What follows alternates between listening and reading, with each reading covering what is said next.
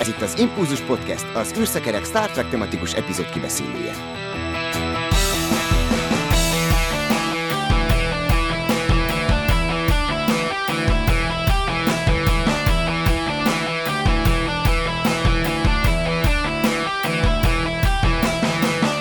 Szeretettel köszöntöm a kedves hallgatókat, ez az Impulzus Podcast 211. adása, és mai beszélgető társunk pedig Rezsabek Nándor, a planetology.hu főszerkesztője.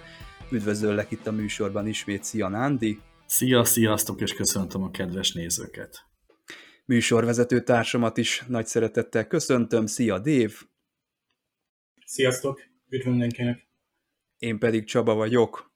A műsorunkban minden héten elemzünk egy Star Trek epizódot, most az új nemzedéknek a harmadik évadába kezdünk bele. Ugye az évadnyitó epizód az evolúció, erről lesz ma szó, de szoktunk új sorozatokról is beszélni. A mai adásunknak a végén például a Strange New Worlds sorozat premierről fogunk majd beszélgetni.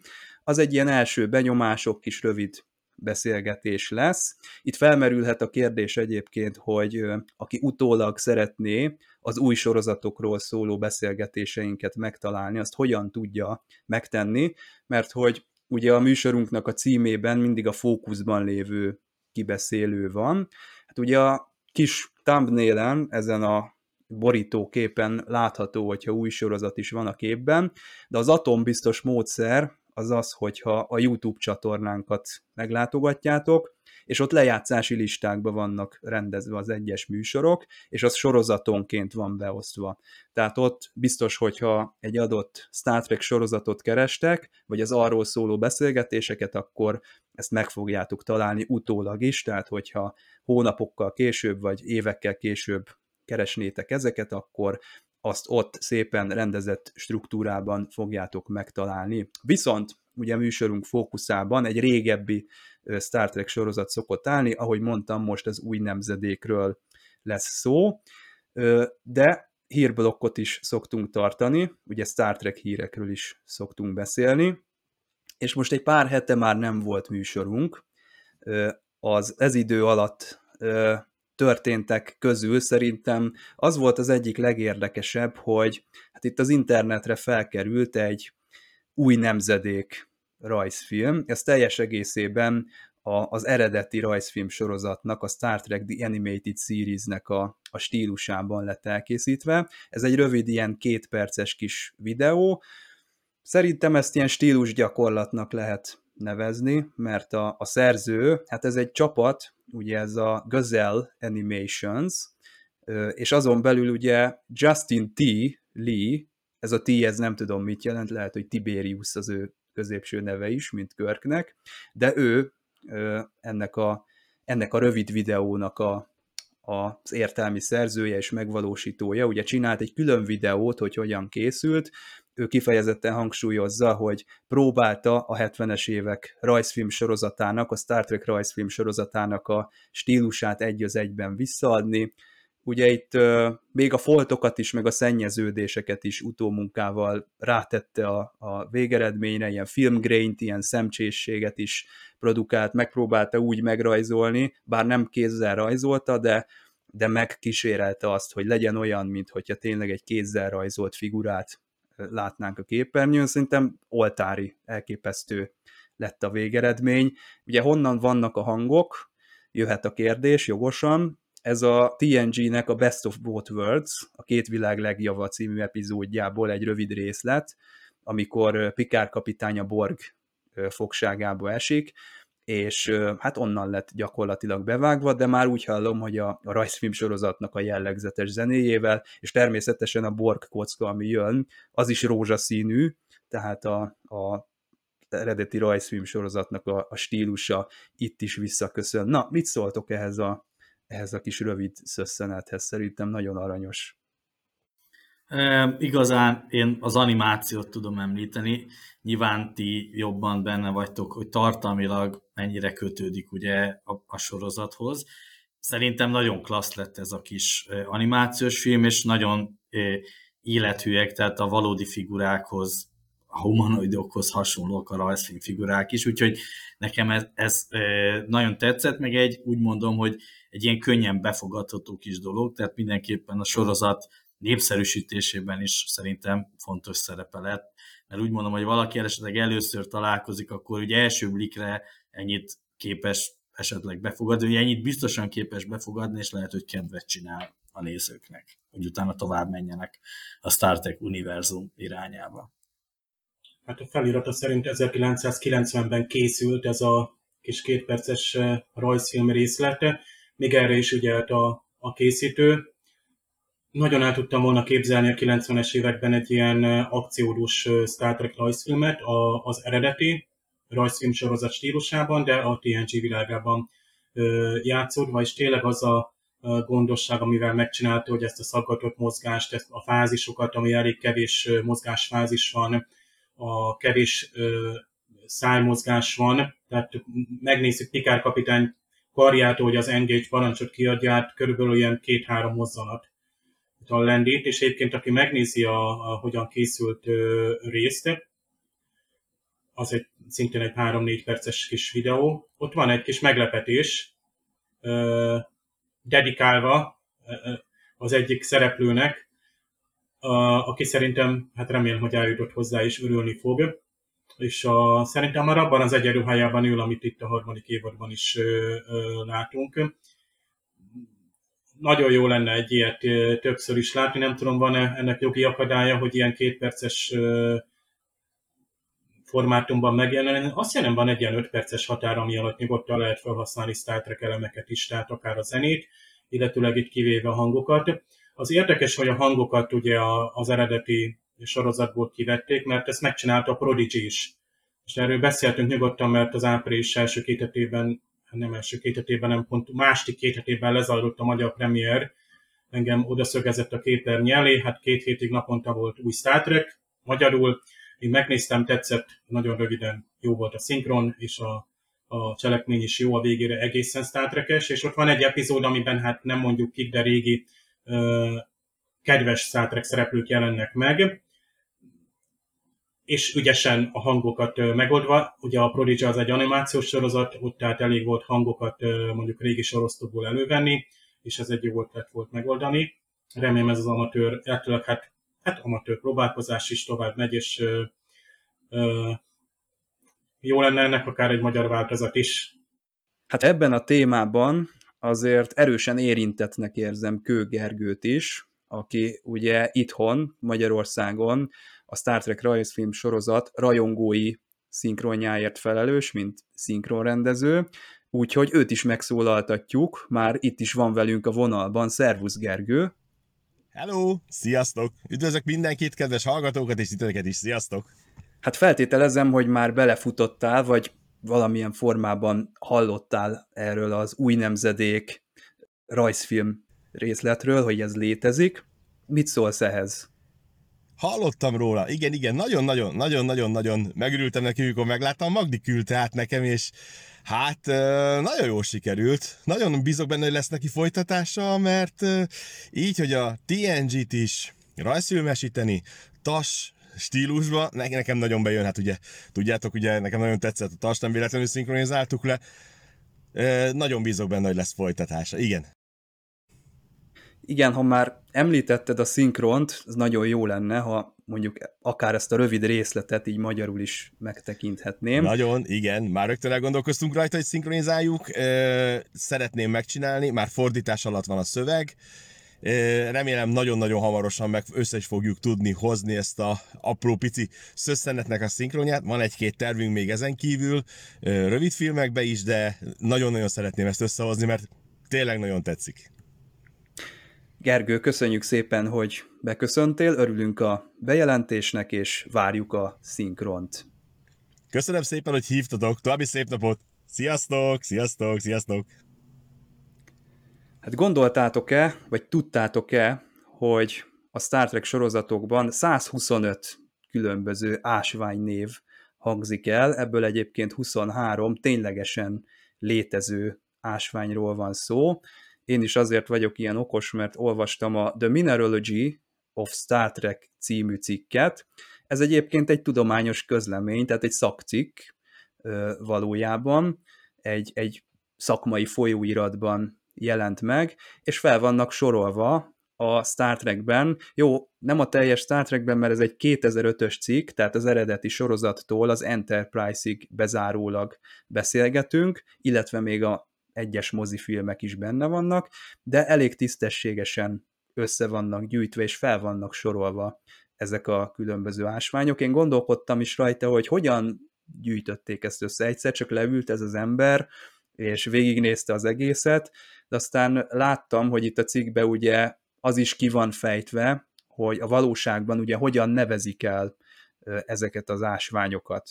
Ugye van a Nemzetközi Ásványtani Világszövetség, nagyjából rajtuk futnak keresztül, vagy ők azok, akik megvizsgálják, hogy lehet-e az a neve egy adott ásványnak, ami, és tulajdonképpen itt mindig valamilyen hagyomány, vagy valamilyen meghatározott rend szerint alakulnak ezeknek az ásványoknak az utótagjai, úgyhogy mondjuk a Memory Alfán rá lehet keresni az egyes epizódoknál, hogy akkor ez szerint, hogy van-e benne ásvány, de nyilván ez is egy, egy sziszifuszi munkának hangzik, úgyhogy mindenképpen szép, hogy ezt így összegyűjtötték, és hát Nándi, neked ez elég szakmába vágó, úgyhogy hozzád is fordulok, hogy, hogy hogyan neked is eljuttattam ezt a cikket, figyelmetbe ajánlottam, mi volt erről a benyomásod?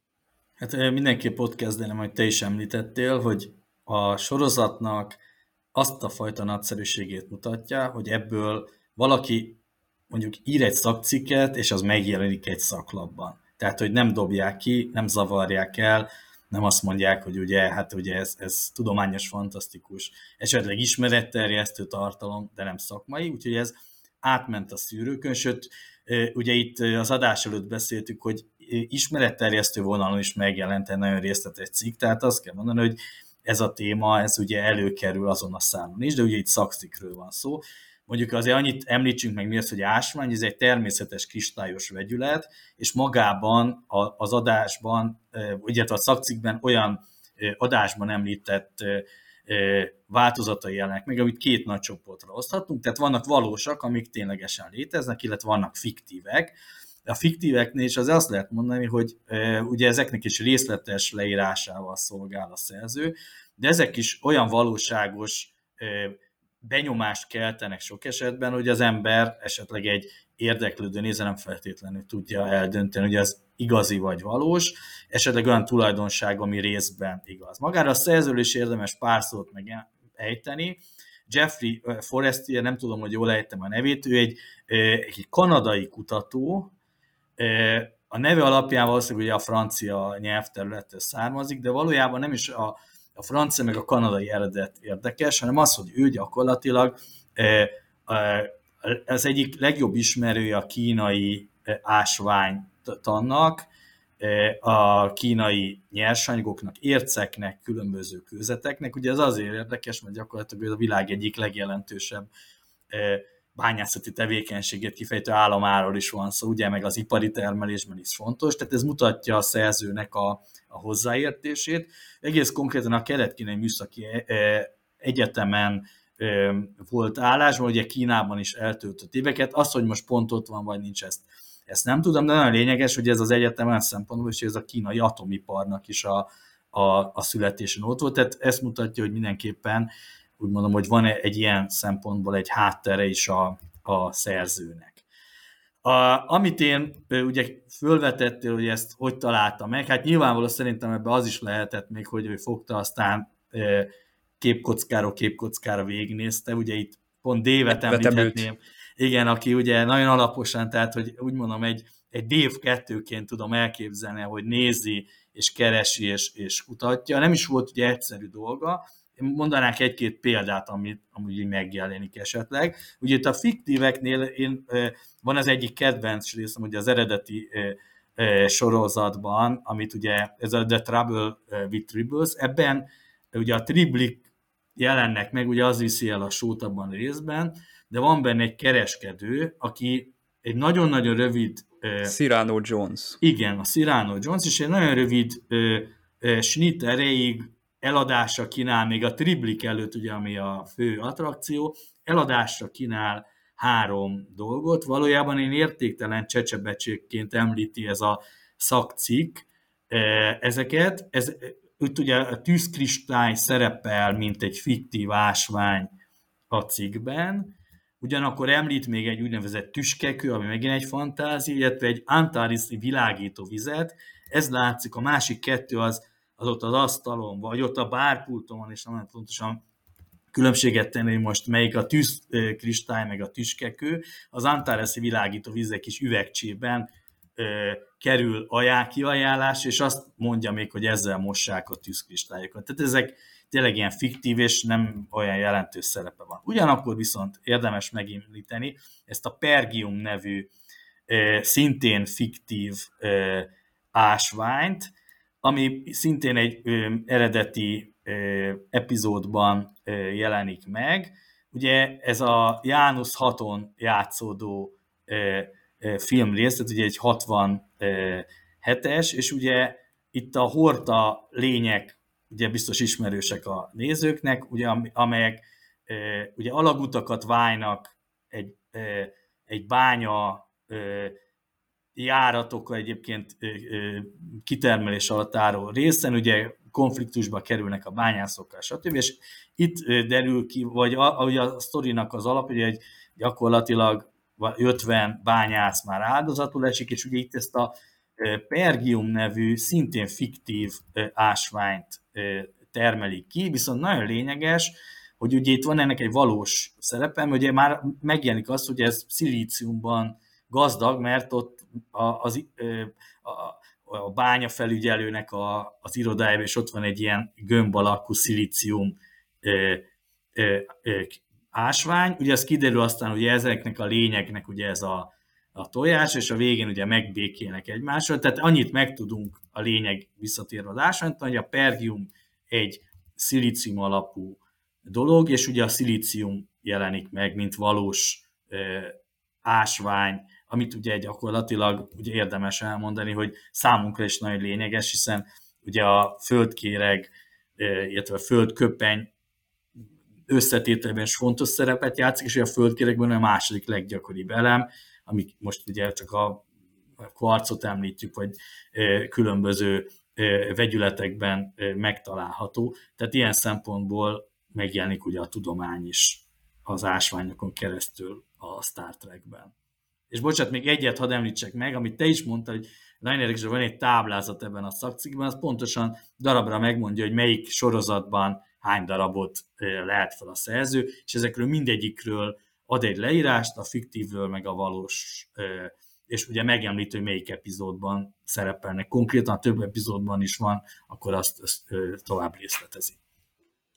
Említsük még meg a dilitiumot, aminek ugye a popkulturális szerepe az szerintem a kriptonittal verseng, és ebben a cikkben itt van egy melléklet a dilitiumról, és ott van a kristály szerkezete például, vagy mechanikai tulajdonságok, sűrűség, optikai tulajdonságok, előfordulása, honnan kapta a nevét, tehát egy komplett leírás van. Nagyon jó cikk, tudom ajánlani minden tudományos érdeklődésű hallgatónknak. Itt lesz bent a leírásban, kattintsatok rá. Figyelem! A műsorban spoilerek bukkanhatnak fel.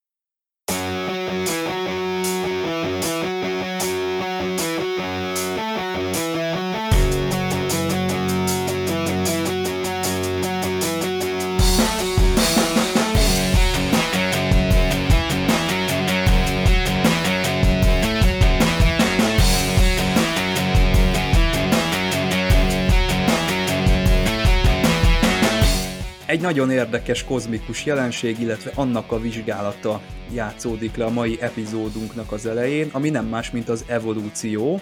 Itt a kibeszélőben továbbra is Rezsabek Nándorral és Dévvel beszélgetek, én pedig Csaba vagyok.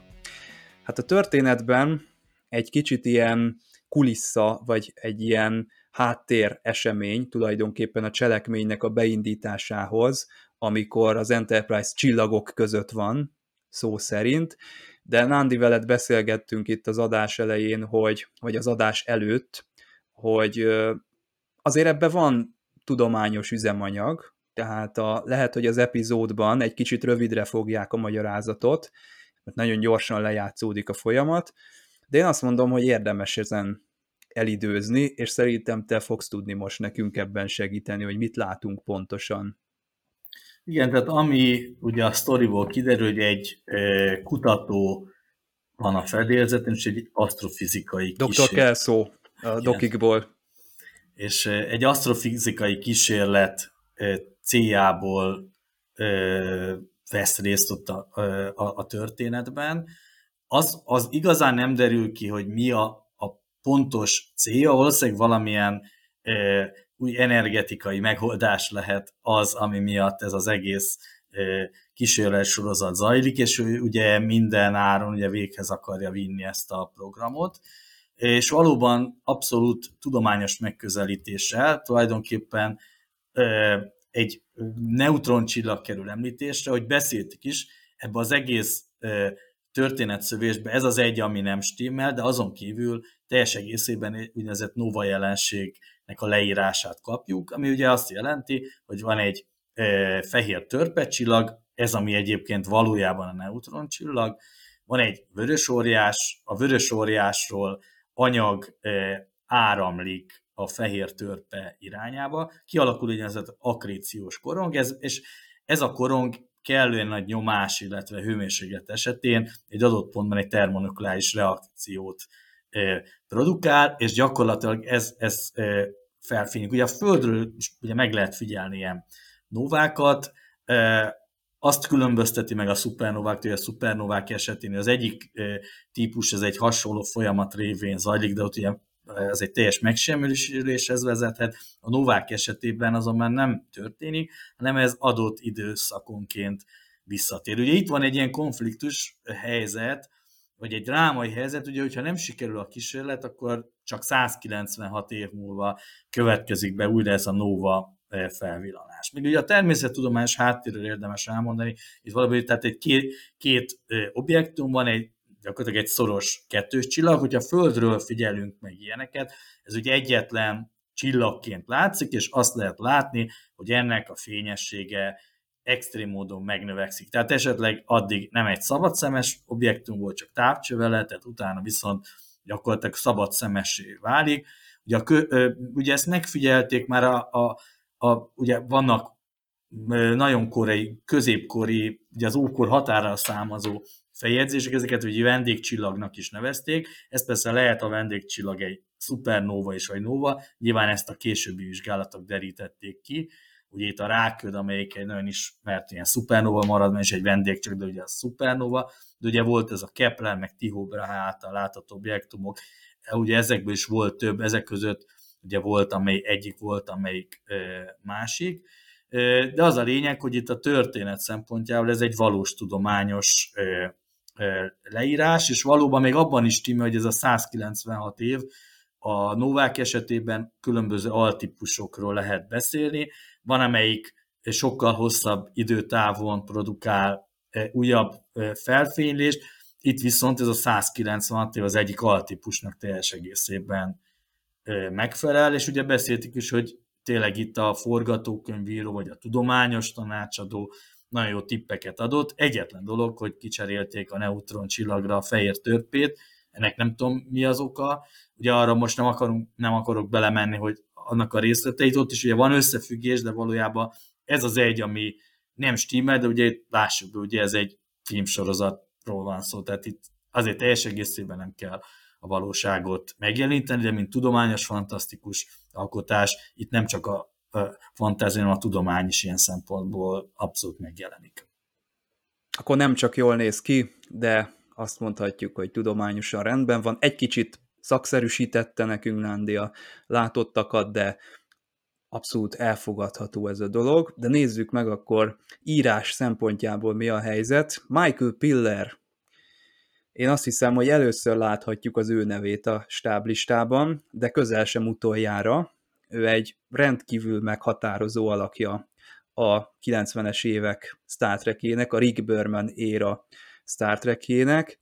Ugye őt Morris Hurley hívta a produkcióba, ő még a második évadban volt producer, de ő a második évad végén távozott, és Michael Piller akkor jó barátja volt, ő invitálta a produkcióhoz őt, és Piller először írt, utána producer lett nagyon hamar itt az új nemzedékben, és meghatározó szerepe volt később a, a Deep Space Nine, illetve a Voyager sorozat alapjainak a lefektetésében, és ő írta az űrlázadás című mozifilmet is Rick Bermannel együtt, úgyhogy azt mondhatjuk, hogy itt súlyos arc került most a szemünk elé, és itt már láthatjuk, hogy tulajdonképpen ő milyen szemléletben is ö, dolgozik. Őróla tudni kell, hogy számára a karakterek fejlődése volt az elsődleges szempont, tehát nem science fiction-t szeretett volna írni, hanem, hanem szeretett volna ezekből a szereplőkből valami mélyebbet kihozni. Itt jelen esetben az volt a szándéka, hogy Wesley Crusher és, és az ő anyjának a viszonya bemutatásra kerüljön. Ugye Beverly Crusher most tért vissza itt a harmadik évadban, Dr. Pulaski elment, sajnáljuk, mert őt is nagyon szerettük, de természetesen örülünk annak, hogy Beverly visszatért, és Wesley Crusher egyfajta jövőképként látja Ken Jenkins karakterét. Őt ugye tényleg a, a magyar nézők is leginkább a Dokik című sorozatból ismerhetik még, Dr. Kelszó szerepében. Itt ugye Dr. Stubbs. Mi történik akkor, teszi fel Michael Piller a kérdést, hogyha Wesley Crusherrel nem történik semmi más, csak megmarad ez az okos smart kid, és nincs mondjuk barátnője, vagy nem lesz családja, akkor Dr. Stubbs egyenes út ez a, ez a fajta jövőkép. Dr. stubbs fog válni a gyerek, és tulajdonképpen ezt akarta érzékeltetni velünk a, az író, és szerintem ez a része ennek a dolognak jól is sikerült. Mit szólsz ehhez, Dave? Nagyon tetszik. Ezért maradt meg számomra az új nemzedék egy olyan központi sorozat, amely az én életemben is teljességgel időtálló, de úgy érzem, hogy a, a tévésorozatoknak a világában is, hiszen ott van a, a tudományos igényű sci amit szintén színvonalas, de a forgatókönyv írásnak a minőség, amit én mindig kiszoktam emelni, hogy és nem is csak az, hogy itt a Piller érára ez bekövetkezik, szerintem már előbb is ott volt, de hogy itt, itt, itt kezdenek el következtesen, vagy még jobban odafigyelve vinni karakterfejlesztéseket, és, és a Wesley Crushernél ez nagyon jól ö, látható. A, azok az erős mondatok, mi szerint, hogy ö, hisz te itt sem voltál, ugye Wesley az a, édesanyjának mondja, aki nem volt itt. És a néző is ezt így, így számon kéri, hogy hát most meg, megjött Dr. Crusher, és nem tud mit kezdeni a fiával, és ezt mindezt teljesen természetesen, közvetlenül nyíltam, ábrázolja, ahogy bármely sorozatban, vagy a, a való életben is ez teljességgel így működne. Tehát szinte ugyanezek a párbeszédek hangzanak el. Mindig van egy katalizátor, itt jelen esetben Stubbs karakter, aki egy, egy nagyon erős figura, és azonnal eszembe jutott, mivel friss élmény a Discovery negyedik évadában Dr. Tarka, nem fejtem ki, hogy ő kicsoda, de hasonló módon jelenik meg, és robban be a nézőnek a látóterébe is, hogy milyen izgalmas figura lehetne ebből. És marad. És lesz is vajon? Lesz is. Hát most őről nem beszélünk, mert az egy teljesen másik kibeszélő lenne, de azt nem tudom, hogy lehetette volna az, hogy Stubbs uh, itt marad. Az epizódikus jelleg nem tette volna lehetővé, de én szerintem lehetett volna őrá is írni egy fejlődő uh, karaktert. Tehát a Stubbs annak a végén van, aminek az útnak a kezdetén Wesley ott van, ő már, ő már nem szórakozik. Az édesanyja számára ez a nagy újdonság, hogy ez már egy másik Wesley. Egyébként érezhetjük is, hogy a fiatalember is, is nőtt, a színész is, és, és érettségben mögé tették azt a, a fejlődést. Van barátnője, vagy úgy tűnik van barátnője is, de nem fejti ki ezt, mert nem tudom, 17 éves, és ez természetes, hogy van. Nem ez a lényeg, tehát az, az megy a háttérben, és neki sem valószínű az a lényeg, hanem hogy ő most rálépett egy olyan ö, professzionális, egy szakmai előkészítés útjára, amikor minden fontos ö, neki. És e, ezen a hajón igenis, hogy fontos, amit egy gyakorló ö, tiszt is végez, és hát itt pláne, hogy, hogy, fontos, mert a, itt valaki a gyengélkedő laborját használja, és onnan szabadul el, akkor az nyilván érinti az egész ö, csillaghajót. Ö, és tényleg nagyon jó ez a ez a karakterif, hogy ezt a két személyt így összekapcsolják, hogy Wesleynek ez lehet az életútjának a vége, és lehető belül egy elhanyagolt személy, aki úgymond önmaga, aki önmagát is elhanyagolja, tehát tényleg csak a, a szakmájának él, teljesen el tudjuk képzelni, vagy az írók által is elhanyagolt, tehát marad ebben a zseni és nehézen kapcsolatot teremteni tudó fiatalember szerepében. Érezzük azért, hogy azért látunk hiányosságokat, tehát az igazi nagy karakter pillanatok inkább majd a, a Deep Space Nine-ban vannak, amikor sokkal több idő van, tehát nem csak egy-egy Wesley epizód van, hanem ott mindig minden epizód odós, és minden epizód kvárkos, és sziszkos, és, és besíres, és így tovább. De itt nagyon jók ezek a párbeszédek, hogy van, egy, van Wesley és Stubbs között, van Wesley és, és Jordi között is pillanat, és Guinan is ott van, és Guinanról is csak ugye háttérben tudunk meg még több dolgot, hogy milyen idős, és hogy mennyi gyereke volt már, de és hogy találkozott dr. Frankensteinnel? Vajon ezt komolyan mondta, vagy csak Gálen... a helyzetet próbálta oldani? Sok mindenkivel találkozott, ezt, ezt, ezt lehet, hogy nem is kéne felsorolni. Egyébként el tudom képzelni, valóban ö, találkozhatott. Kinézem ö, belőle én is, igen. Egyébként a leg, ami még ide nagyon-nagyon passzolt, az, hogy ö, ugye a baseball, a sport, ami eltűnik, de a holófedélzeten Cisco, aki tényleg ez a régi vágású tiszt, az gyakorlatilag imádja a baseballt. Egyébként ezt nem tudtam, hogy, hogy Pillernek a rajongásából... Igen, lett. szintén, szintén Piller motivum, hogy ő vitte bele, és ennek köszönheti egyébként, ennek köszönheti részben Piller, hogy, hogy a Star Trekben így elfoglalhatta a helyét, mert Rick Berman is baseball rajongó, és amikor elolvasta ezt a forgatókönyvet, akkor hatalmas nagy homlokon csapás volt neki, hogy azt a mindenit, ez az ember, ez baseball rajongó, akkor kialakult egy, egy kölcsönös partneri kapcsolat. Egy kicsit vitatkoznék Dévvel, hogyha szabad abban, hogy a Dr. Stubbs, itt mindig nagyon koncentrálnom kell, hogy ne, ne Dr. Kelszót mondjak, mert nagyon, nagyon az áll nekem a számra, hogy abban lenne még benne töltet. Szerintem a Dr. Stubbs addig érdekes, amíg megtörténik, vagy nem történik meg ugye a, az a bizonyos esemény, amire 20 éve készül, amire föltette az egész életét. Utána már, tehát ő ebben az epizódban egy tipikus, most anélkül, hogy degradálnám őt, ő egy tipikus őrült tudós. És szerintem ez egy, ez egy egyszeri jegy, vagy egy ilyen one trick pony, amit egyszer nagyon jól meg lehet csinálni, és nagyon jól meg is csinálja a színész, és nagyon jól is működik, de, de ezeknek mindig kell valami távlati hajtóerő ezeknek a tudósoknak, mint mondjuk Dr. Rásnak a, a csillagkapuban, ő, ő neki is volt egy, talán nem is tudjuk, hogy ő mit akart valójában, de, de mindig volt valami, ami őt hajtotta. Itt nagyjából ez megszűnik, és nem tudom, hogy van-e az a Dr. Stubbs, aki előtte létezett, mert ő, ő megérkezett, célba ért, elkészült a kísérlet, és tulajdonképpen az epizód szerepet befejezte, de amúgy, amúgy egyetértek, hogy nagyon, nagyon jó mondatok vannak ebben az epizódban. Igen, tehát még a, az egész mm, filmnek a menetéhez, hogy egy ilyen számomra egy kicsit ilyen lassan áramló, de viszont ez az előnye, mert pont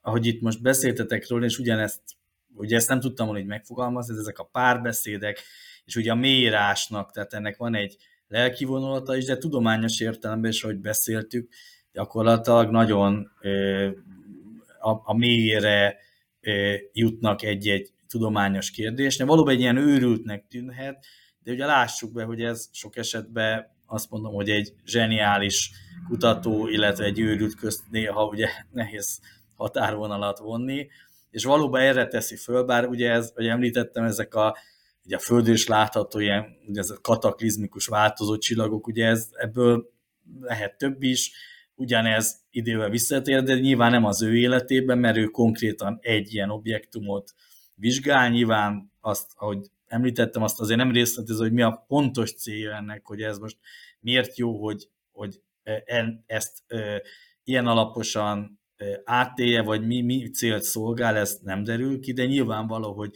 erre az egy konkrét kitörésére, Nova jelenségnek a átélésére tette fel a, a, gyakorlatilag azt lehet mondani az életét, és lényegében az őrület határán mozog, de mondom, ez valahol érthető sok kutató esetében is, hogy, hogy olyan elszántság, és gyakorlatilag ugye ez viszi előre a, a tudományt is, hogy valaki ennyire megy előre, és, és semmi sem zavarja, és, és esetleg úgy mondom, átgáza sok mindenen, mert csak így lehet sikert elérni. Úgyhogy ilyen szempontból egy ilyen, hogy mondjam, filmes metódussal is talán egy ilyen kutató karakterét fölvázolja, még nyilván ez kicsit, ugye persze extrém módon, de akkor is egy ilyen jellemrajzként ez, ez párhuzamba állítható egy tudós mindennapi működésével.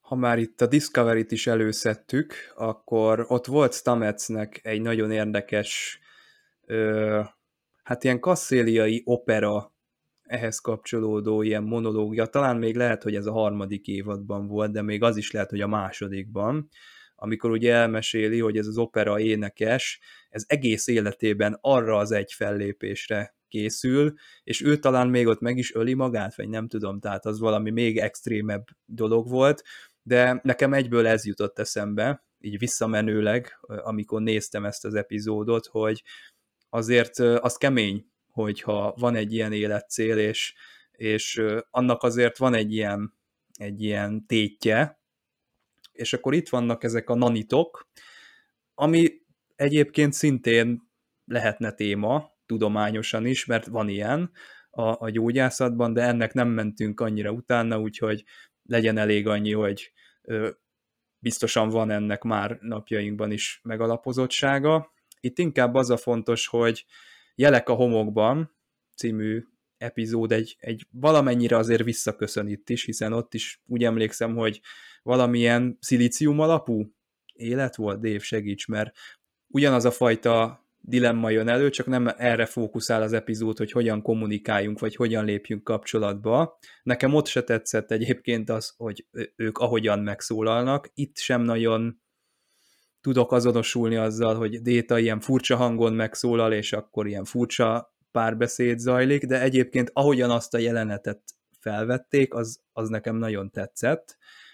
Tehát amikor először ugye messziről mutatják ezt, és ilyen lassan zoomol rájuk a kamera, aztán ugye látjuk a Détát és Dr. Stubbsot beszélgetni, az rettentően jól volt megvalósítva.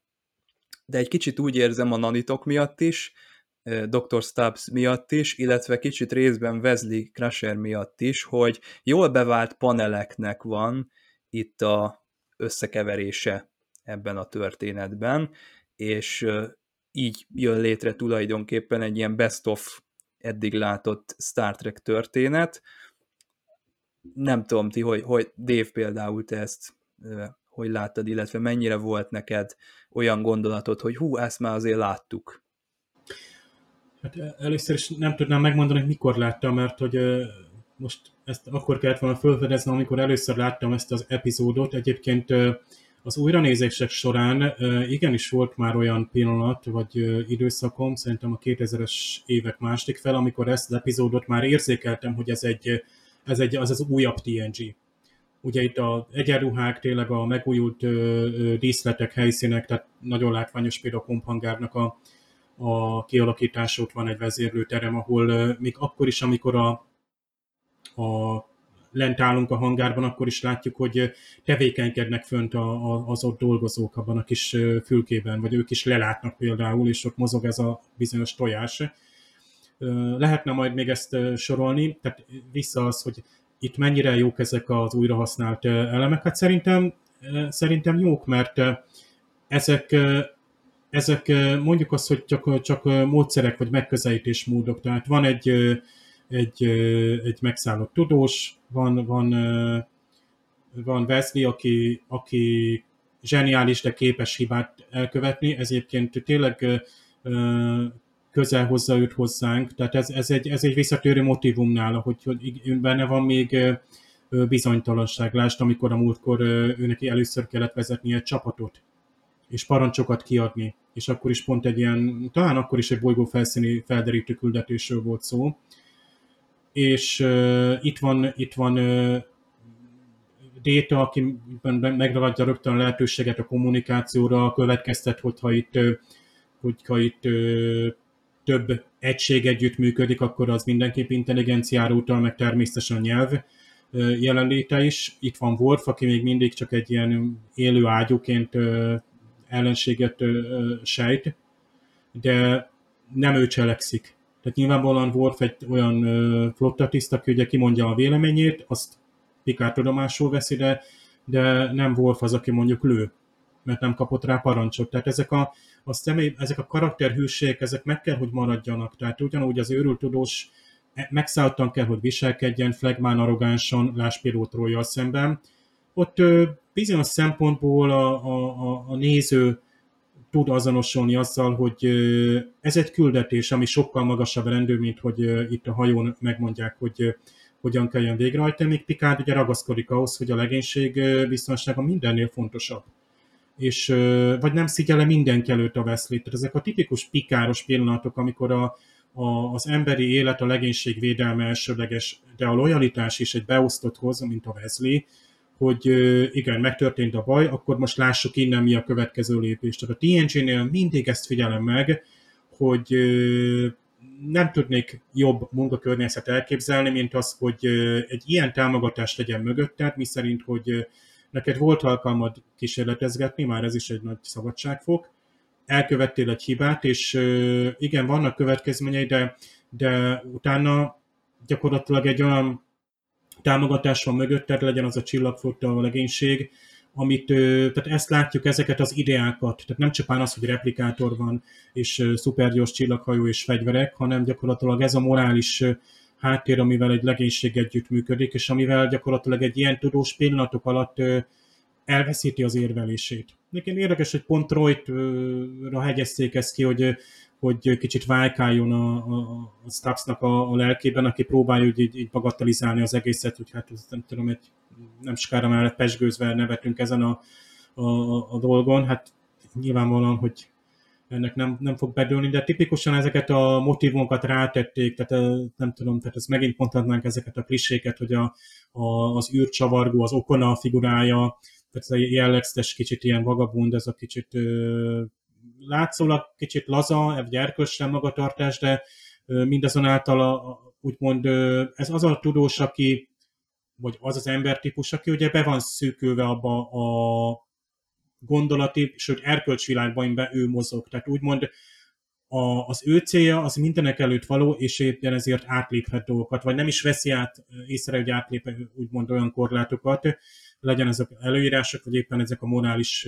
korlátok, hogy ő számára az nem jelent bűnt vagy akadályt. És ilyen kliséket én szeretek látni Star Trekben, de bármely mozikban, sorozatban ezek jöjjönek elő, mert 45 percünk van kifejteni, és építkezni kell ismerős panelekkel. Tehát a gépháznak mindig ugyanúgy kell kinézni, egy, egy, egy pikárkapitány mindig úgy oszt parancsot és úgy reagál, ahogy a néző elvárja. Tehát van egy fősodor, és vannak fix elemek, amiknek működnie kell egy ilyen epizódikus sorozatban, különben az, a néző elveszíti a, a, a talajt, lásd a Discovery-ben most ki a kapitány, ki a főszereplő, most a kapitány, ó, az nem is olyan, mint egy igazi kapitány, és persze, hogy nem igazi, és ő sem igazi, és ő, ő is máshonnan jött, és, és nem érezzük, a, hogy egy, egy jelen például fejlődhet, tehát a Wesley úgy tud fejlődni, hogy közben megvannak azok a szilárd támpontok, ami, amiben ő tud mozogni. És a nézőnek is ugyanezek a támpontok kellnek, magyarul ezek panelek, vagy klisék, vagy ö, megszokott ö, dolgok, amiben ő leül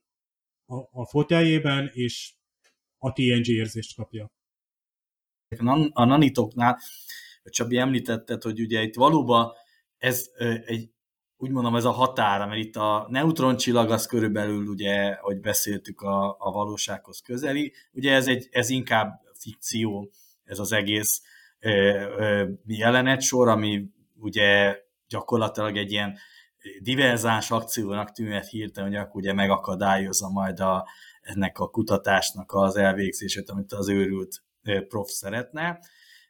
Megjelenik úgy egy kicsit ilyen fura dolog, hogy ugye ezt először akarják pusztítani ezeket, ugye, és itt beszéltük, hogy ilyen gammasugarakkal akarják, ami azért ugye elég fura, mert ugye ez azért rájuk sem éppen egészséges.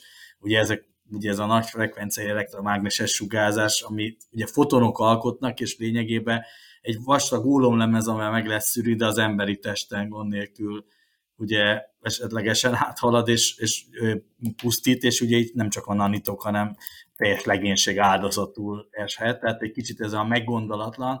Persze lehet, hogy nyilván ez ugye ez science fiction, tehát ugye ez még belefér, meg az, az is elképzelhető, hogy, hogy ezt valahogy észre csinálják, tehát valamilyen besugárzásra, mint ahogy ugye a gamma sugárzást használják különböző ugye ipari, meg gyógyászati alkalmazások, tehát valószínűleg azért ugye ez is lehet, hogy nem csak ész nélkül esnek ezeknek a, az apró lényeknek, úgyhogy még ez, amit érdemes így tudományos oldalról megemlíteni.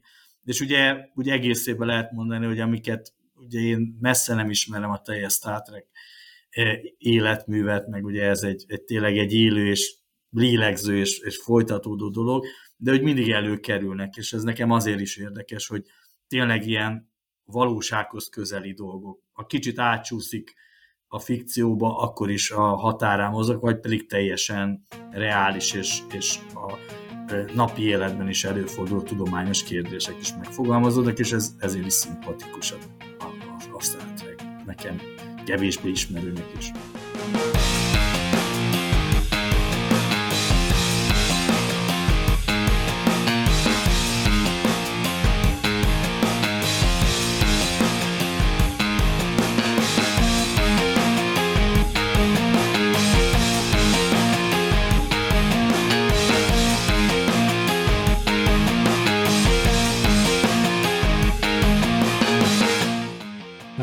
Évad kezdődött, és a Picard kapitány talán ennek megfelelően egy hát, rendkívüli körmondattal próbálja a nézők számára, meg a hajónaplóba rögzíteni azt, hogy miről is szól ez a küldetés. Hát egy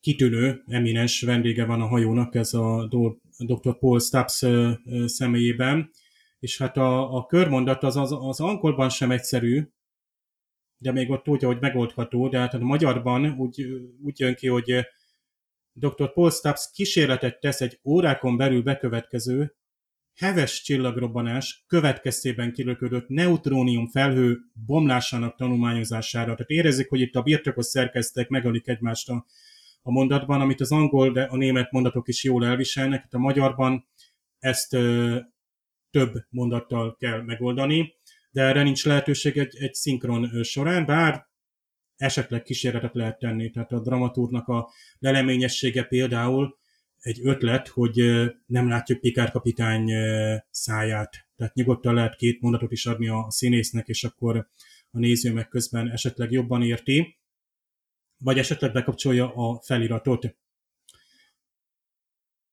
Nagyon tetszik a, az Old Faithful uh, gejzírnek az említése, méghozzá, hogy a földi Old Faithful uh, a jó reg hűséges uh, csillagközi kicsinyített mása, és ezt nagyon szépen visszaadják, hogy csillagközi kicsinyített mása sokkal szebben és líraiabban hangzik a magyar változatban, míg a, az angolban csak annyi, hogy interstellar counterpart, tehát egy, egy mása, hasonmása, ez, ez egy nagyon szép kifejezés, nagyon tetszik, amikor így a, a science fiction megjelenik egy ilyen, ilyen kifejezetten költői kép, és főleg, hogy egy, egy földi szép természeti jelenséggel hasonlítanak össze egy csillagközi jelenséget.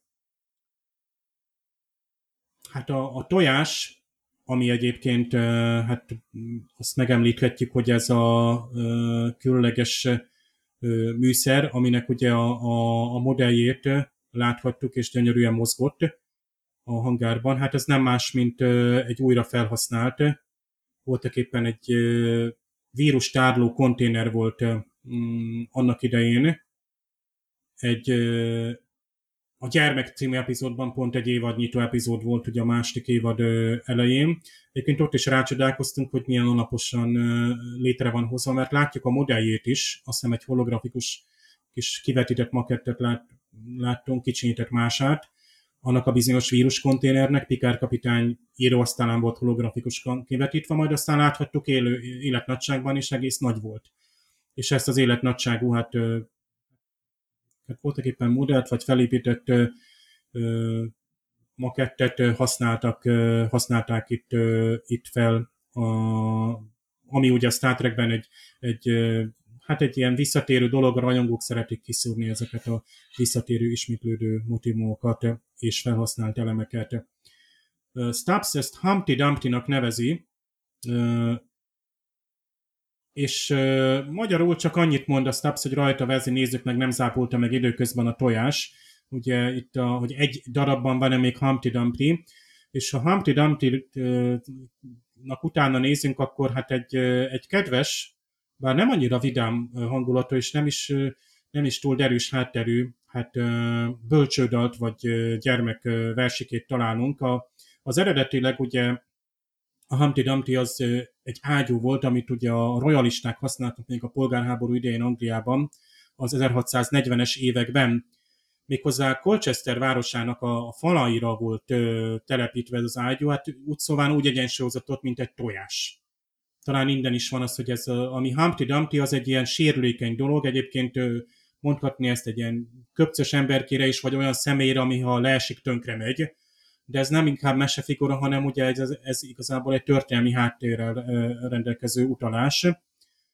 És a Stubbsnak ez a régi vágású karaktere látszik például szerintem az öltözködése, az akója, az, hogy ő ugye egy régi sporthoz ragaszkodik, fejben játszik le egész meccseket, ezek mind-mind arra utalnak, hogy ő egy teljesen másik korból, egy lassabb korból származik, és jó, hogy ezt a, a karakterének a szövegébe is beletették.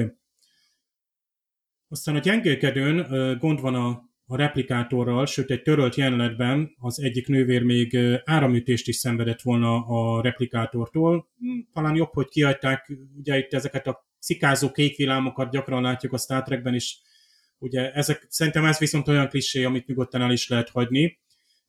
Ehelyett viszont Dr. Crusher azt mondja, hogy hát megparancsolja a számítógépnek, ugye a hajókomputernek, hogy fix the food slot Ugye ez a slot az a kis kiadó rés, vagy ö, rekesz, vagy mélyed, és ö, itt konkrétan a replikátornak az étel kiadó része.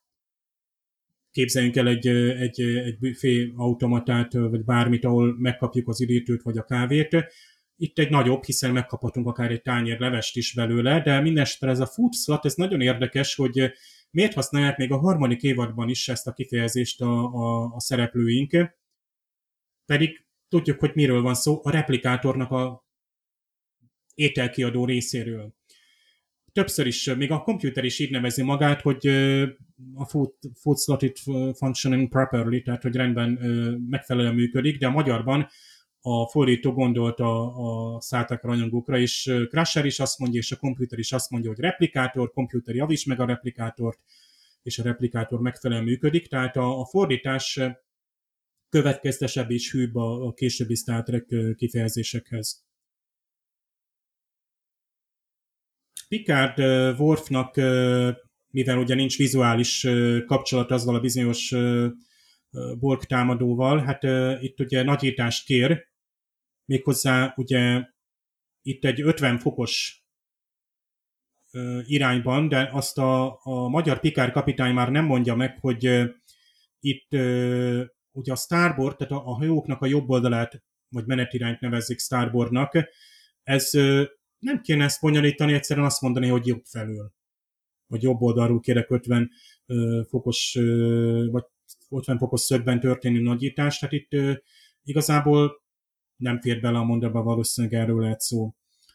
Aztán hát a, a sakk kifejezései, ugye itt elhangoznak angolul, ugye a, a, a, akár a, a, a huszár, a bástya, a vezér megnevezése, ezek nem egészen következtesen vannak, tehát hogy gyalog F4-re, F2-re huszár üti bástyát, itt, itt majdnem ugyanaz, de nem teljesen ugyanaz. Tehát úgy tűnik, mivel itt a komputer mondja, ugye itt már meg, van hibásod, meghibásodott a komputer, ezért néha kicsit rövidítették, vagy mást mondtak, tehát ez érdekes, meg főleg, ha valaki tud sakkozni, esetleg még föl is fedezhet hibát. Egyébként nagyon érdekes, hogy, hogy itt a sakk kerül szóba, mert hát sakk, tehát tényleg profi sakkozók idéznek fel teljes játszmákat fejből, vagy játszanak újra játszmákat. Ez teljesen egy alapvető és fontos dolog, hogy, hogy ez egy, ennélkül nem, nem tudna valaki tényleg professzionálisan versenyezni. Míg a Dave, Stars... neked itt nem jutott eszedbe a sakról az, hogy Queen to Queen level free? Ugye a Whom Gods valami... Destroy című epizódban ez volt a kód, amit, amire válaszolnia kellett volna ugye hát vezér... Kartnak, és nem tudott a hajóra fel, feljutni. Nekem itt egyből ez ugrott be. Nem ugrott be, hanem az ugrott be, hogy egy másik párbeszédben a Stubbs megemlíti, hogy ő, ő gyakorlatilag fejben játsza végig a meccseket. Tehát, hogy ő neki már nincs szüksége holofedélzetre, és ez is egy kifejezés annak, hogy az, az, az ő zsenie az, az, ez, ez, ez, ez, ez, szerintem ez, ez nagyon hozzátartozik egy, egy, egy ilyen, ilyen tudós figurához, az, hogy gyakorlatilag tehát a, a, az, hogy fejben gondolkozik, és a koncepciók is fejben születnek, tehát nincs, nincs, nincs szükség holofedélzetre, számítógépekre és egyéb eszközökre. 78 éve nem fordult elő, hogy a, a hasonló rendszer egészét érintő meghibástolást, az eredetiben 79, lehet, hogy pont itt a szájmozgás miatt. Aztán Geinernél nincsenek egerek, mert ő azt mondja, hogy I run a clean place, tehát magyarul viszont azt, ezt mondja, hogy nálam nincsenek egerek. Ezeket hangulatos, bár Geiner még lehet, hogy korábban dolgozott olyan bárban, ahol esetleg még tényleg voltak egerek. Ezt ezt nem tudhatjuk. És hát a epizódnak a igen, még az epizódnak a, az egyik, tehát jellegzetesen a karakterhez hozzátartozó pillanata, hogy ugye mm, a, a Stubbs, Stubbsnak ezek a 20. századi hasonlatai, tehát ez a, ez a mércsépő, meg a moszkítő a fülét hívjanak egy, egy rovarírtó, tehát ez teljességgel nyelvileg kiesik abból, tehát egerek említése, rovar, rovarírtás, hát ezeknél mindig úgy érzem, amikor gyertya, mint hasonlat fölmerül a Star Trekben, meg egyéb benzin említése, tehát ezeket mind úgy érzem, hogy az írónak utána kellett volna gondolni, hogy már nem beszélünk moszkítókról, meg szúnyogokról a 24. században, tehát már nem azt hozzuk fel, hanem akkor lehet, hogy idegen szúnyogfélét kellett volna említeni, ezt néha megszokták egyébként tenni, tehát ezt, ezt úgy érzem, hogy ilyenkor már avit a szóhasználat, bár a Snapshoz meg pont karakterileg hozzá tartozik, hogy miért csipi meg a szúnyog a fülét. Kit érdekel, hívjanak egy rovarírtót, amely egyébként a jellemét is szépen bemutatja.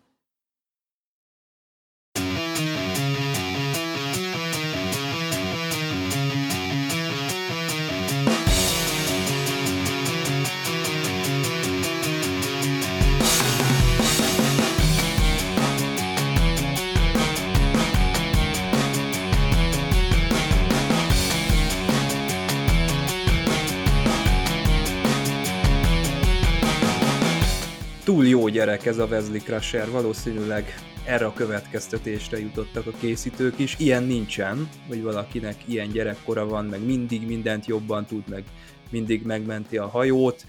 Lássunk egy olyan példát is, amikor valamit nagyon elront, és lesz még erre még jobb példa is a jövőben, de ez egy jó kezdés arra, hogy kicsit árnyaljuk Wesley Crushernek a az egész gyermekkorát, meg egyáltalán feszegessük ezt a kérdést, hogy milyen az, amikor ott van valakinek az édesanyja egy csillaghajón, és hát Pikár és Beverly között ez szintén egy kiváló párbeszéd, amikor ugye ez a topik terítékre kerül. Aztán Wesley Crushernek új a haja, újak az egyenruhák, ugye itt a régi Type A típusú egyenruhák, azok a nagyon-nagyon feszülős egyrészes uniformisok azok már hátfájást okoztak a, a színészeknél, úgyhogy ilyen színészi közbenjárással, illetve sok panasz árán sikerült azt elérni, hogy tervezzenek egy ilyen jóval rugalmasabb és jóval kényelmesebb kétrészes, és egyébként jobban is kinéző, szerintem, egyenruhát, és innentől kezdve ezeket fogjuk látni egészen a sorozatnak a végéig. Bár nem ezt az epizódot forgatták le először a harmadik évadhoz, hanem a következőt, a Sugárzó Tehetség című részt.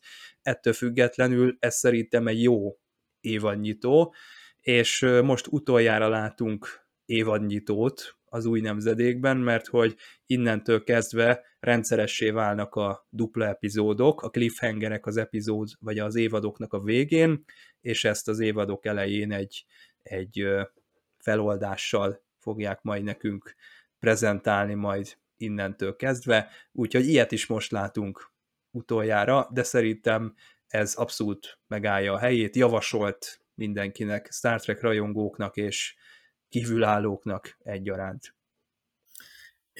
Én kétszer néztem meg az elmúlt napokban, elsőre közepes, másodszor viszont nagyon tetszett. Kicsit akkor megértettem egy több mindent a mondani valóból, ugye a tudományos, a, az a lelkiszál, stb.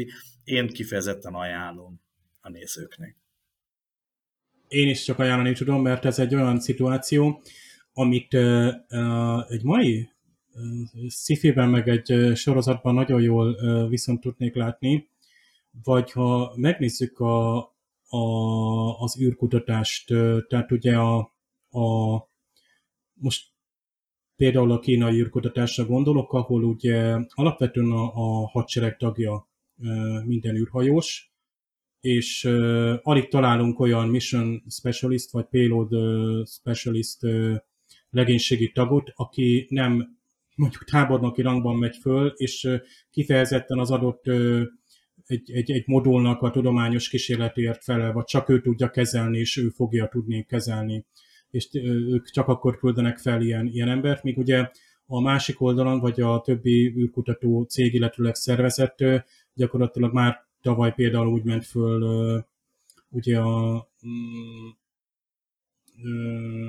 négy például teljesen civil és tehát kifejezetten csak tudományos képesítéssel rendelkező ember, ugye a az egyik SpaceX küldetésben, hogy ők gyakorlatilag már nem, a, nem NASA küldetést hajtanak végre, hanem teljesen civil. Ugye az Inspiration 4 küldetés volt ez, és ez, ez, ez egyre gyakoribb lesz. Tehát már nem csak az, hogy, hogy nők vannak jelen, vagy a katonai célok háttérben ott maradnak persze nyilván, de tehát ezt, ezt érzem ugye a Stubbsnak a, a figuráján, hogy a 80-as, 90-es években ezt megmutatni, ez azért valami új volt. Miközben azért ott a, ugye már ment a, a Space Shuttle program, tehát az, az amit javában NASA is, azért ez az egy régi vágású, bár ott is voltak már kifejezetten teljesen civil foglalkozású résztvevők. De tudományosan is, és most amihez egy tényleg csak nagyon halványan tudok ahhoz is hozzászólni nyilván, a, a nanitoknak a működése, és itt is csak az elf, hogy a Wesley Crusher tandemben szerette volna futtatni őket, mert kíváncsi volt, hogy a, a tehát nagyobb lesz a teljesítményük. Tehát hogyan dolgoznak párban magyarul. És uh, itt, itt pont arról van szó, hogy a kapacitásuk jelentősen megnőtt. Tehát uh, itt a, a, hát először is elkezdték tudni replikálni magukat, ami egy uh, már egyébként, ha úgy veszük, egy élőlény kategória, de amúgy tényleg ez a, egyébként nagyon aranyos volt, mert ott, amit benagyított Jordan, nyilván ilyen, ilyen Pac-Man-szerű, tudom, ilyen... 90 fokos kanyarokat vettek a nanitok mindenütt, mint tényleg egy ilyen régi videójátékban. A korabeli nézőnek lehet, hogy pont ez így teljességgel felfogható volt, hogy egy kis egységekről volt szó, akik ugye kommunikálnak, vagy elmenekültek ugye itt így mondva, tehát hogy még inkább ilyen élőlény jellegűek. Tényleg ez az eredeti ötletben lévő por atkák, hát ezt, ezt, ezt tényleg kirögte volna, főleg a mai ö, néző. De az, hogy itt, ö, itt a, az interakcióba, egymással interakcióba lépő kis egységek, vagy együtt dolgozó kis egységek tudnak ilyen fejlettek lenni, hogy egy, egy hajónak a rendszerét lebénítják, vagy itt tehát lást kommunikálni tudnak déten keresztül, hogy ez merész lépés, hát itt arra, arra lehet gondolni, hogy amikor ugye 90-es évek végén ugye mondtuk, hogy kinek mekkora órajelő a processzora, és akkor már valakinek ugye 1 GHz, és akkor hú, majd lesz aztán 2, 3 és 4, 5 és majd 10 GHz-es processzorok lesznek, hogy azok kétszer olyan erősek lesznek, mint a nem tudom, most a felhúzott 4 GHz-esek és nem, lettek, nem jöttek be 10 GHz-es processzorok, mert a párhuzamos feldolgozás lépett előtérbe, amikor több mag van, sőt több feldolgozó egység, tehát jellemzően 2, 3, 2, 2 4 és 8 és még több mag, most már a teljesen otthoni gépekben is, és ugye azt még ugye esetleg virtualizálni, de mindenképp ilyen több szálú feldolgozás, amikor is ezek a szálak gyakorlatilag egyszerűbbek, vagy kisebb teljesítmények önmagukban, de egy videokártyának a kis végrehajtó egységei re is lehet gondolni, amelyekben meg több száz van. És ők dolgoznak együtt, mert nagyon intenzív művelet van, és az csak sok kis együtt dolgozó egység tudja megcsinálni, mert amúgy nem annyira bonyolult.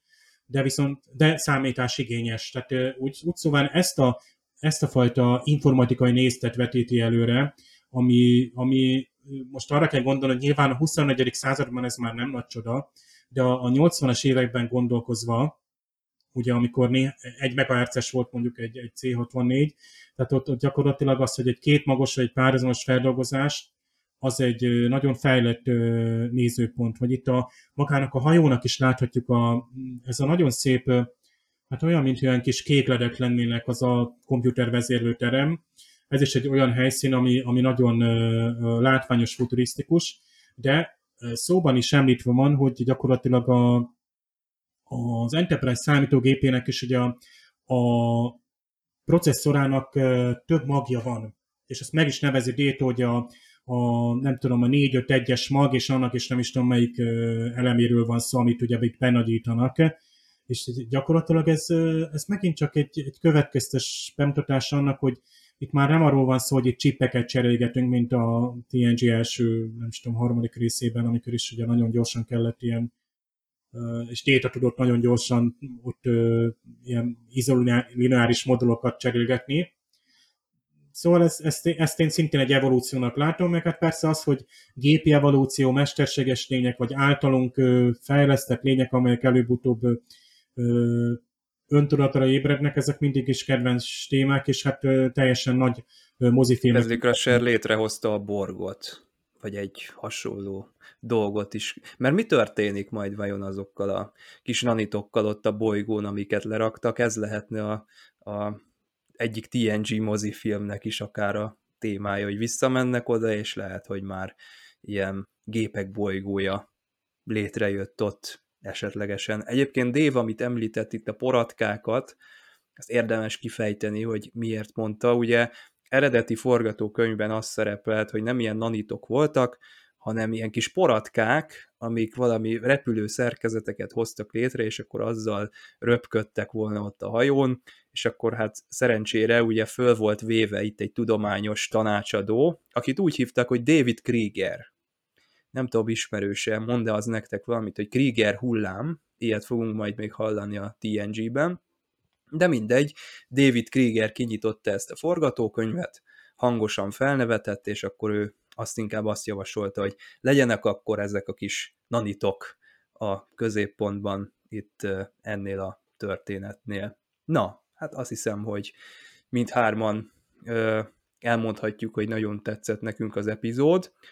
Nandi, esetleg nem tudom, hogy van a tarsolyodban valami programajánló a csillagászat, vagy csak úgy a tudomány iránt érdeklődők számára.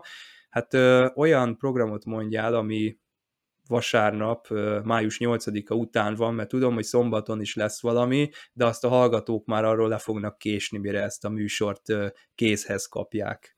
Amit ajánlanék a kedves nézőknek, hogy május 14-én kerül sor egy interaktív szakmai napra, fókuszban a természet a címe, ez a Fotoklik alapítvány által szervezett program, kifejezetten, tehát fotós téma, természetfotós, azon belül különböző szekciók működnek, és jó magam az astrotájkép szekciónak leszek a moderátora. Erre a programra rá lehet találni a blog oldalamon, vagy, vagy a planetology.hu oldalon is, de valaki beírja ezt a fotoklik Fotós Akadéma vagy Fókuszban a természetkeresőszót megtalálja, ezt ajánlom most mindenképpen elsőként a kedves nézőknek. Nándi, köszönjük szépen, hogy itt voltál a műsorban. Én köszönöm szépen a meghívást, és köszönöm a kedves nézőknek a figyelmet. Dave, neked is köszönöm szépen a szakértelmet, most pedig folytatjuk a Strange New Words kibeszélővel. Akik nem nézték meg ezt a sorozat premiért, azoktól elköszönök, akik viszont látták ezt az első epizódot, azoktól nem köszönök el, hanem velük akkor folytatjuk a műsort.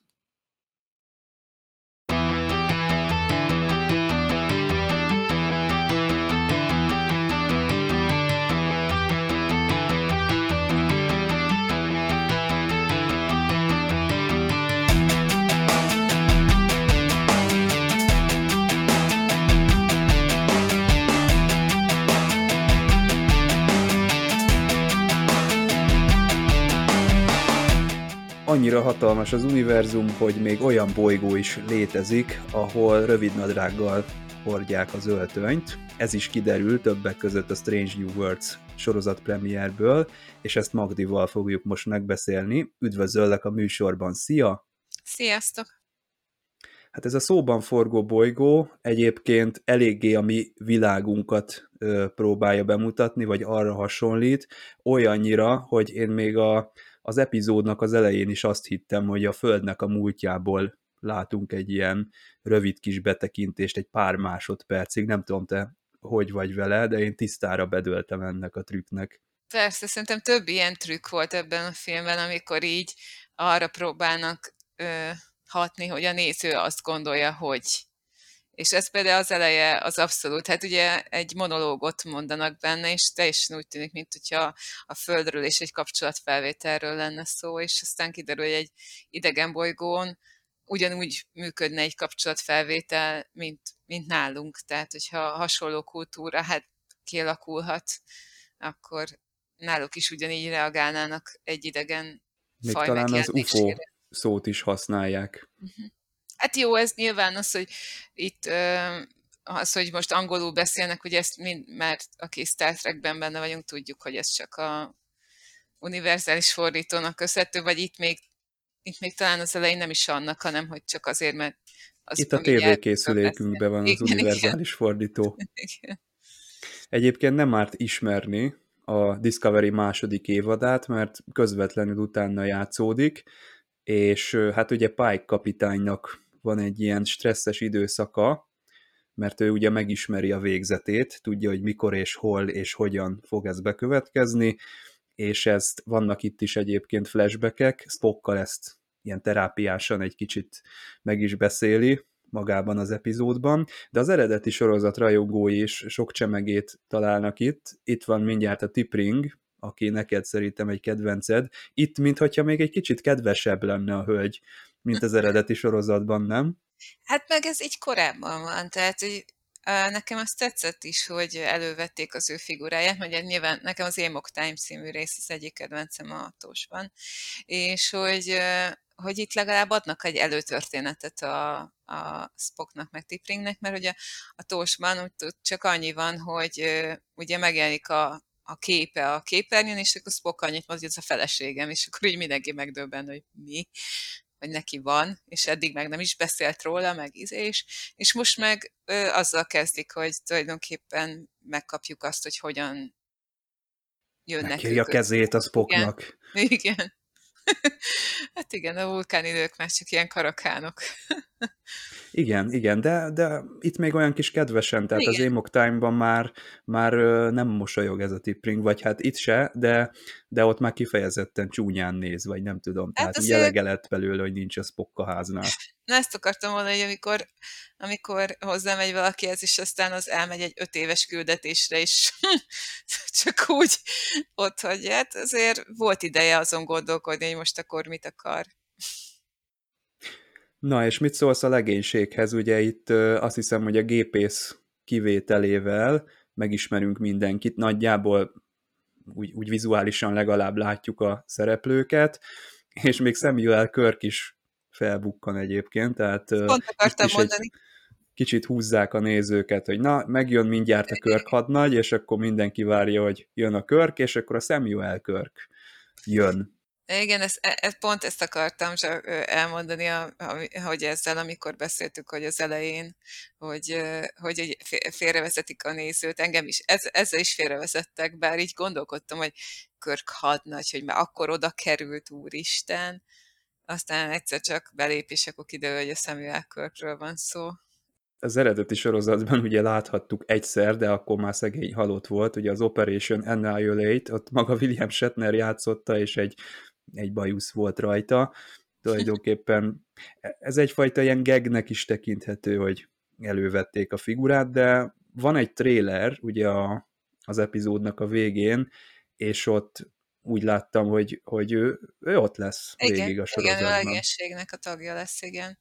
Hát ö, vannak még azért így figurák, akiket ö, szintén így elővettek, bár egyébként így mondtad ezt, hogy ö, a Discovery-nek a második évadát kell az ismerni, szerintem nem kell. Tehát ö, jó, ha ismered, mert van visszautalásra, uh-huh. de pont annyira nem szükséges hozzá, mint amennyire a tost sem szükséges hozzá ismerni. Uh-huh. Tehát, hogyha ismered, akkor, akkor érted a, az utalásokat, hogyha meg nem ismered, akkor meg szerintem nem. De legalábbis én nem, lát, nem láttam olyat, hogyha most valaki ezzel kezdeni elnézni a Star Trek-et, hogy, hogy zavaró lenne az, hogy... Hát hogy nekem egy ilyen pillanat volt, amikor mondják, a, amikor mondja a Spock, hogy a, eltűnt a testvére, vagy hogy ezzel kell megbirkóznia, ott szerintem egy új néző kicsit elgondolkodhat, hogy Spocknak testvére, ráadásul huga, vagy nővére, vagy miről van itt szó, de igazából ugye, mivel nem rugóznak ezen sokat, annyira talán tényleg nem, nem fogja ez befolyásolni az új nézőket sem, és ez lesz az a sorozat szerintem egyébként, ami tipikusan bevonza az új nézőket is, hiszen epizódikus kalandokat ígér, jól keveredik így hangulatban a dráma, meg a, a humor mert itt vannak súlyos, súlyosan terhelt karakterek, ugye Pike és a Lán is egy ilyen gon fogságban volt, és annak is azért a részletei elég súlyosak, de ugyanakkor pörgős és, és vicces jelenetek is vannak benne, és a, a kettő valahogy jól ötvöződik szerintem már itt a pilotban, vagy az első részben. Hát igen, bár nekem a Gornról mindig az a tipikus körkféle arc jut eszembe, és valahogy nem tudok ilyen komolyan gondolni a Gornokra, de úgy vélem, hogy ebben a, az epizódban azért így rehabilitálják a Gornokat, mert hogy itt azért kicsit veszélyesebbnek hangzik, amit elmondanak róluk, mint amit ott láttunk. De... Igen, itt nem, nem az a fajta bunyó lesz, mint a, nem, nem az ilyen eredeti sorozatban. Gumi jelmezes, ilyen, nem tudom, kis egy kicsit bénán kinéző lény lesz valószínűleg a Gorn. Uh, igen, tehát hogy e, erre is visszautalnak, de végül itt sem kell tudnod, hogy mi az a Gorn, hogyha, hogyha most ismered meg a sorozatot. Szerintem Lehet, hogy ők lesznek a fő, fő ellenfél itt az évadban. Mondjuk a trailerben nem láttam őket, de lehet, hogy rejtegetik. Meg, hogy meglepetés. Meglepetés legyen, igen. Szerintem elképzelhető abszolút, persze, de hogy hogy ezért mondom, szerintem én, én azt gondolom erről az epizódról, hogy, hogy simán ö, lehetne új nézőknek nézni, tehát hogy aki még, még semmilyen elő nézettsége nincsen, és én nagyon vártam már egy ilyen sorozatot. A Discovery is annak indult, csak a Discovery azért nem húz be úgy a Star Trekbe, mert teljesen más a stílusa, uh-huh. mint a többi Star Trek sorozatnak. Tehát nem feltétlen, aki azt, akinek tetszik a Discovery, az nem biztos, hogy nézi a Star Trek többi sorozatát. Akinek meg nem tetszik, az azt meg nem vonzza be most, hogy elkezdjen nézni egy másik Star Trek sorozatot. Hát, ha ez egy kicsit úgy visszanyúl egy kicsit inkább a gyökerekhez. Bár én, ahogy elkezdtem nézni, és azért úgy vettek elő dolgokat, lehet, hogy azért még ez a sorozat is fogja dühíteni a rajongókat, mert, mert ugye mindig mérgesek, amikor valamilyen témát elkezdenek feldolgozni, és itt is például Spock meg Tiprin kapcsolata, vagy akár a Samuel Kirk, vagy, vagy például ö, lehet, hogy a karakterek, hogy mennyire fognak tetszeni nekik, mert ugye ö, elővettek ilyen régi karaktereket, régi karaktereket, mint Uhura, egy kicsit más karakterű Uhura ebbe, de ebben én azt látom, hogy ő egy, egy még, még olyan fiatal uhura, tehát aki olyan, még olyan kis lelkes kis, tehát hogy még nem az a ilyen azért megfontoltabb karaktere van szerintem a, a Tósban. Itt még olyan kis mindenen, mindenen mosolyog, és mindennek így megörül, de aranyos, szóval az tetszik. Viszont aki, aki teljesen más személyiségű nekem egyelőre, az a ö, de ki akartam mondani, a Chapel? Chapel.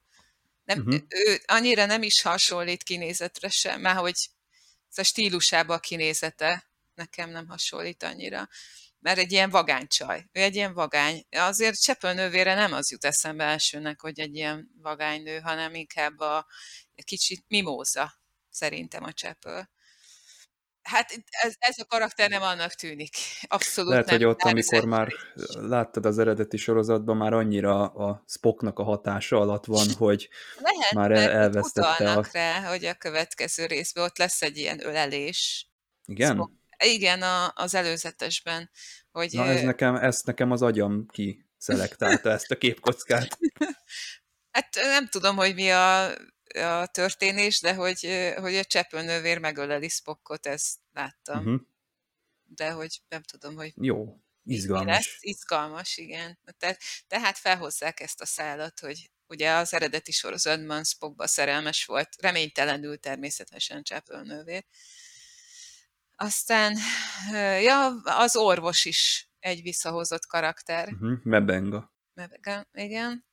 Ö, mondjuk ő, ő te, hát amennyire, ő ugye nem volt azért annyira előtérben a, a régen se, tehát most Ők egyébként jól működnek, amennyire teret kaptak a, az, e- a csepölnővér, majdnem egyest mondtam, a csepölnővér és a mebenga valahogy úgy jó páros szerintem ott a gyengélkedőn. És még itt van April kapitány, aki mintha egy kicsit olyan szerepbe lenne, mint az Enterprise-ban a Forest admirális, tehát lehet, hogy ő fogja a küldetéseket majd adni a- az Enterprise számára.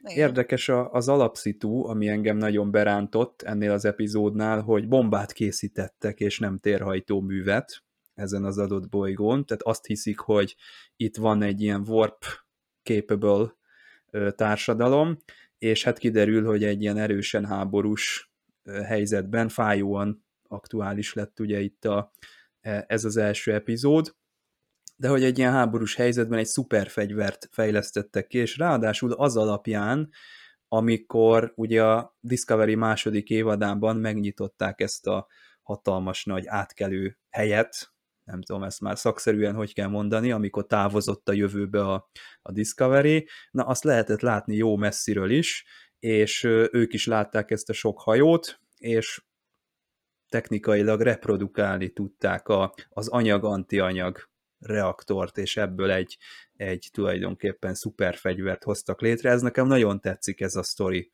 Kicsit ilyen eredeti sorozatos amúgy. Igen, igen.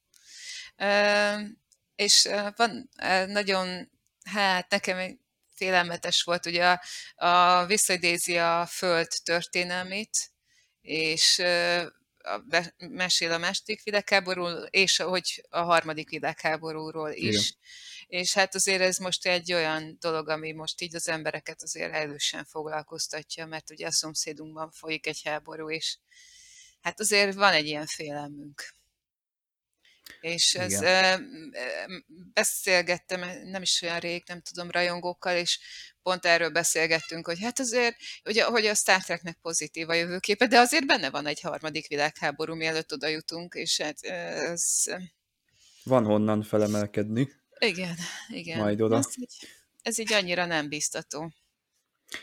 Anson Mount viszont nagyon jól játszik szerintem, tehát ő, ő kicsit ilyen haver karakter, akivel elmennél sörözni mondjuk bármikor, bárhova, ilyen barátságos, ugye ő ilyen lazán érkezik meg a, a tárgyalásoknak a közepén is beköszön, hogy hi, ezt, ezt már egyébként elsütötték a, az előzetesben is, de ő az abszolút azonosulható. Ezt tetszik, hogy ezt megtartották, mert a, a The Cage-ben, még amikor Jeffrey Hunter volt, akkor is ő egy ilyen törékenyebb, vagy egy ilyen érzékenyebb kapitány volt még az elején, és itt is azért látjuk, hogy ő megküzd a, hát most nem a múltjával, hanem a jövőjével küzd meg így rendhagyó módon, ami valamikor tíz év múlva fog bekövetkezni, akkor lesz majd a Vissza a tiltott bolygóra című dupla epizóda az eredeti sorozatban, de hát lehet, hogy valakinek könnyebb úgy, hogyha Spocknak a ponfárjai alapján osztja be az időskálát, mert nem tudom, hogy innentől 7 év múlva kell -e bekövetkeznie a következő együttlétnek. Hát ez egy, ez egy nehéz kérdés, igen, van ez a 7 évente ö, nem ígérje, de nem jön, így, így mondták, szépen fogalmazva a vulkáni férfiakra, és, és ugye ezzel, nem tudom, ezzel hol viccelődnek, hogy, hogy 7 évente élnek nem életed, de közben meg valószínűleg nem, csak 7 évente van ez, csak 7 évente van egy ilyen igazán nagy vérláz, ami, amikor, amikor teljesen elborul az agyuk, és akkor viszont nagyon ráállnak erre a dologra. Szóval nem tudjuk, hogy most éppen pomfárja volt-e a Spocknak, hogy... De hát az érdekes, hogy ilyen, egy ilyen intim jelenet tehát csináltak vulkániakkal, az, az azért ritka, tehát a tipollal elég volt. lazák. Igen. De itt azért, sőt, olyan szinten lazák, hogy éppen így benne lennének a dologban, amikor hívja őket a, a és akkor így föl kell venni. Ez annyira tipikusan egy olyan, olyan átlagos pár élete, hogy a főnököt hív. Ne vedd föl, de muszáj. Na, hát én kíváncsi leszek azért arra a gépészre, aki talán a következő epizódban érkezik, meg a Samuel Kölkre is kíváncsi leszek, hogy ő egyébként milyen karakter, mert képregényekben azt hiszem, hogy ő látható volt, szerepelt, az eredeti sorozatban már csak hulla formájában jelent meg, itt majd most kiderül, hogy, hogy az ő karakterével kapcsolatban mit kell tudni. Na, hát Magdi, hogy tetszett neked így összességében ez a bevezető epizód? Nekem tetszett, tehát ö, még, még egy csomó lehetőség van benne, így első körben nekem bejött a, a pilot epizód, sőt, még nem tértünk ki a, a zenéjére. Nekem uh-huh. tetszik, nagyon kíváncsi voltam, milyen főcímet csinálnak, és én annyira tetszett az, hogy visszatértek a klasszikus főcímhez, amikor elmondják azt a bevezető szöveget. Szerintem ez annyira kellett már, hogy legyen egy ilyen sorozatunk, aminél ugyanígy elmondjuk a bevezető szöveget. Ez, ez nagyon Én egy kicsit vártam, hogy a, a végén ilyen fotómontázs legyen, mint az eredeti sorozatban, de nem. Nem, és viszont a zenéje is, a főcímzene az nagyon hasonlít a Tosra, csak nagyon fel van dolgozva, az a, de felismerhetőek a motivumok benne, ez, ez is tetszik, szerintem nagyon jó. E, igen, próbálták a, valahogy a Tost egy ilyen 21. századi, már hogy jó, tehát így 20, érted? Tehát 21. Igen. századi stílusban megcsinálni a, a klasszikus sorozatot, úgy, hogy közben azért a, tehát a híd, a, a díszletek, minden ö, látszik, hogy úgy meg van tervezve, hogy olyan legyen, de közben meg mégse legyen olyan, mert akkor meg hiteltelen lenne a mai korban egy olyan sorozat. Tehát nagyon kellett lavírozni a kettő között, hogy legyen hiteles a mostani nézőnek, de azért utaljon vissza arra a korra, ami 60-as években volt a látvány. Szerintem sikerült, szerintem nagyon jól kis, ki egyensúlyozták ezt a dolgot. Úgyhogy nekem így klasszikus Star Trek rajongó szemmel is nagyon tetszik, de én azt gondolom, hogy nagyon remélem, hogy ha ezt a színvonat így, ahogy van az első részben tartják, akkor ez egy nagyon jó ilyen bevonzó sorozat lesz, tehát ami, amit nyugodt szívvel tudok ajánlani bárkinek, aki el, el szeretné kezdeni a Star Trek-et. Most nagyon sokszor kérdezik tőlem, hogy melyik sorozattal kezdjék, vagy hogy, hogy álljanak hozzá. Ez nekem úgy tűnik, hogy ez lesz az a sorozat, amit, amit fogok ajánlani. Hát csak győzzük kivárni, mire jönnek az epizódok, meg ez egész évadot ugye tudjuk ajánlani egy, egy kedves ismerősünknek. Hát köszönöm szépen, Magri, hogy itt voltál. Én is köszönöm meghívást. Kedves nézőknek, hallgatóknak szintén köszönöm, hogy itt voltatok. Jövő héten ismét jövünk. Sugárzó tehetség című epizódot fogjuk megbeszélni az új nemzedékből, és hát van még elvarratlan szál, mert a Star Trek Picard második évadát is le kéne már zárnunk, csak hát annyi a sorozat érkezik egyszerre, hogy ö, le vannak kötve a kapacitásaink, de, de igyekszünk azért minden egyes sorozatot ö, bepótolni. Hát akkor jövő héten. Sziasztok! Sziasztok!